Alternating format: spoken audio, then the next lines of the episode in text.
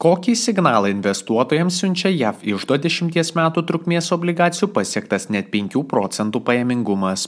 Aš Povilas Petručionis, Orient Securities analitikas šioje rinko espreso apžvalgoje aptarsiu, kodėl ekonomistai nerimsta dėl galimai grįšiančios aukštos infliacijos, didžiųjų įmonių ketvirtinius finansinius rezultatus bei centrinių bankų pareigūnų pasisakymus artėjant ECB ir Fed valdybų sprendimams dėl palūkanų normos.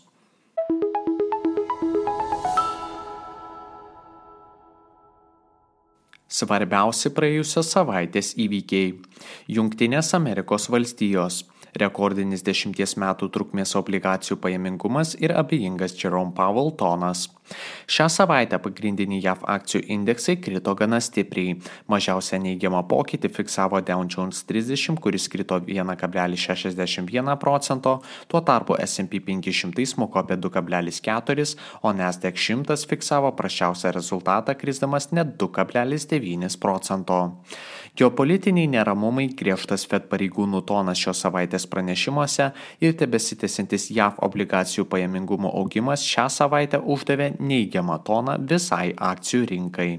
Nors savaitės pradžioje buvo pastebima ribota įvykių artimuosiuose rytuose įtaka, ketvirtadienį pasirodžius pranešimams apie JAV karinio laivo nušautą sparnuotąją raketą, akcijų rinkos reikšmingai susitraukė. Tuo tarpu vietinėje Fed kovoje prieš infliaciją aiškaus tolimesnio plano vis dar nesimato. Pasak Wall Street Journal, akcijų indeksai stipriai susitraukė po pirmininko Jerome Powell kalbos, kurioje teigia, kad nemato ryškių ženklų, jog Fed monetarinės politikos priemonės neigiamai įtakoja ir artina JAV ekonomiką prie recesijos. Galiausiai 10 metų JAV išdo obligacijų pajamingumas šią savaitę beveik pasiekė 5 procentų lygį ir pasiekė aukščiausią reikšmę nuo 2007 metų Liepos. Visgi šiek tiek pozityvumo suteikė šią savaitę komercijos departamento pranešimas apie 70 procento mėnesinį mažmeninių pardavimų prieaugį, kuris viršijo analitikų prognozes ko ne du kartus. Šią savaitę buvo pastebimas didelis technologijų sektoriaus nuosmukis, kuris atsispindėjo Nasdaq 100 indekso 2,9 procentų nuosmukio rezultate. Nvidia krito apie 9 procentus, Apple apie 3,3, Tesla net 15,6 procento. Atšokimą fiksavo būtinojo vartojimo prekių sektoriaus vardai. Procter Gamble kilo apie 2,3 procento, Coca-Cola apie 3,2. Europa baimės dėl sugrįžtančios infliacijos ir eskalacijos artimuosiuose rytuose. Per pastarąją savaitę Europos akcijų indeksai krito. DAX smuko apie 2,6 procento, CAC 40 apie 2,7, o Junktinės karalystės FUCI 100 apie 2,6 procento. Europos akcijų rinka taip pat buvo lydima neužtikrintumo dėl tolimesnės monetarnės politikos bei galimos eskalacijos artimuosiuose rytuose. Taip pat santykinai prasti vietinių įmonių ketvirtiniai rezultatai prisidėjo prie šio nuosmukio. Obligacijų pajamingumai toliau augo, kadangi investuotojai įvertino galimybę, jog aukštos palūkanų normos gali išlikti ilgiau nei tikėtasi. Po praeitos savaitės kritimo 10 metų trukmės Vokietijos išdo obligacijų pajamingumas atšoko ir beveik pasiekė 2,9 procento. Tokiam investuotojų vertinimui pagrindas suteikė šios savaitės ECB pirmininkės ir kitų pareigūnų pranešimai, kuriuose buvo pabrėžima, kad naftos kainos augimas bei karas tarp Izraelio ir Hamas didina infliacijos riziką. Centrinio banko ekonomistai komentavo, jog kainų augimo spaudimas vis dar aukštas, todėl vertėtų sulaukti pavasario pavasario, jog būtų galima teikti, jog infliacija grįžta prie 2 procentų tikslo. Tuo tarpu Junktinėje karalystėje metinė infliacija išliko tokia pati kaip ir praeitą mėnesį ir siekia 6,7 procento. ZIU ekonomikos instituto duomenimis Vokietijos investuotojų ekonomikos sentimentas per spalio mėnesį augo daugiau nei tikėtasi. Per pastarąją savaitę Europos, tame tarp ir Junktinės karalystės didžiausių kompanijų akcijų kainos daugiausiai fiksavo neigiamą pokytį. ESML Holding per savaitę krito apie 4,6 procento, AstraZeneca apie 5 procentus. Azija. Kinijos ekonomikos atsigavimas ir Japonijos jenos dilema. Azijos akcijų rinkos šią savaitę išgyveno gana stiprų kritimą. Hang Seng smuko net 3,77 procento, o Japonijos Nikkei 225 apie 3,3 procento. Nors pagrindiniai akcijų indeksai fiksavo išties didelį kritimą, šią savaitę Kinijoje ir Japonijoje buvo sulauktas santykinai gerų makroekonominių rezultatų. Japonijoje metinė infliacija atmetus maisto ir energijos energetikos kaina susitraukė nuo 3,1 iki 2,8 procento.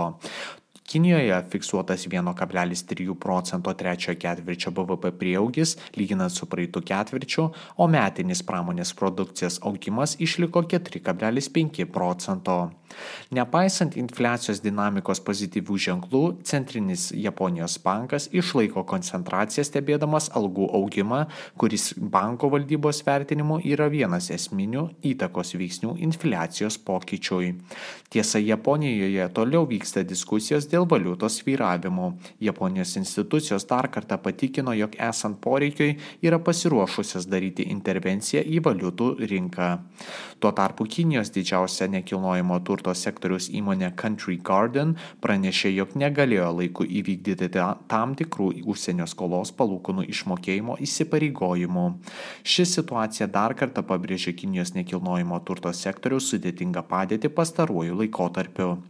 Šią savaitę Kinijoje toliau stipriai krito elektroninės prekybos įmonė JD.com kritusi apie 7,3 procento.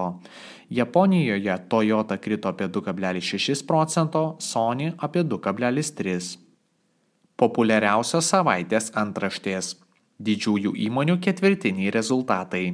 Šią savaitę apie geresnius nei tikėtas rezultatus pranešė Johnson Johnson, Bank of America, Total Energies, Procter & Gamble, Netflix, Morgan Stanley, Taiwan Semiconductor, American Express ir AT&T. Prastesnius neįtikėtasi pranešė Tesla, ASML, SAP SE, Mišrius, Charles Schwab, Goldman Sachs, Philip Morris ir Schlumberger.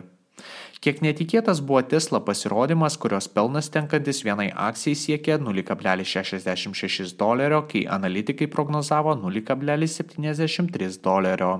Finansinėje ataskaitoje įsiskyrė kapitalo išlaidų eilutė, kuri siekė 2,46 milijardus JAV dolerių, kai rinka tikėjosi 2,06 milijardų JAV dolerių. Dėl mažinamo automobilių kainų pelno maržos susitraukė iki 16,1 procentų, kuomet dar 2000 2022 pirmo ketvirčio pelno marža siekia 26,8 procento. Netflix per pastarąjį ketvirtį pajamas augino tiek, kiek ir tikėjosi rinka, o 3,73 JAV dolerių IPS rodiklis viršijo analitikų lūkesčius apie 6,5 procento.